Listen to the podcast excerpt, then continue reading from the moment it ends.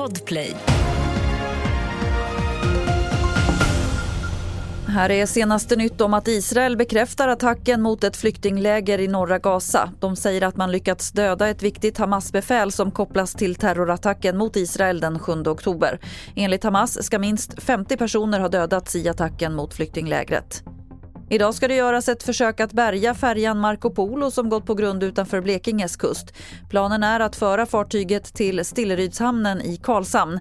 Fartyget ska inte läcka någon olja nu men Kustbevakningen varnar för att det kan bli nya utsläpp i samband med bärgningen.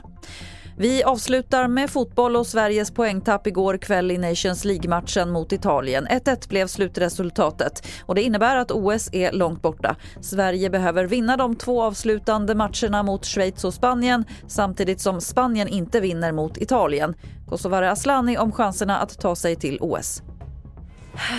Ehm, det gjorde det väldigt mycket tuffare för oss, helt klart. Eh, så en än är den inte borta, men det är klart att eh, vi hade behövt en vinst idag. Och fler nyheter finns på tv4.se. Jag heter Lotta Wall.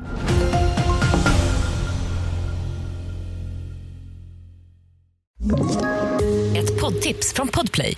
I podden Något Kaiko garanterar östgötarna Brutti och jag, Davva, dig en stor dos skratt. Där följer jag pladask för köttätandet igen. Man är lite som en jävla vampyr. Man har fått lite blodsmak och då måste man ha mer.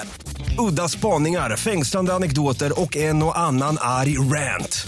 Jag måste ha mitt kaffe på morgonen för annars är jag ingen trevlig människa. Då är du ingen trevlig människa, punkt. Något Kaiko, hör du på Podplay. Därför arkadeinerna.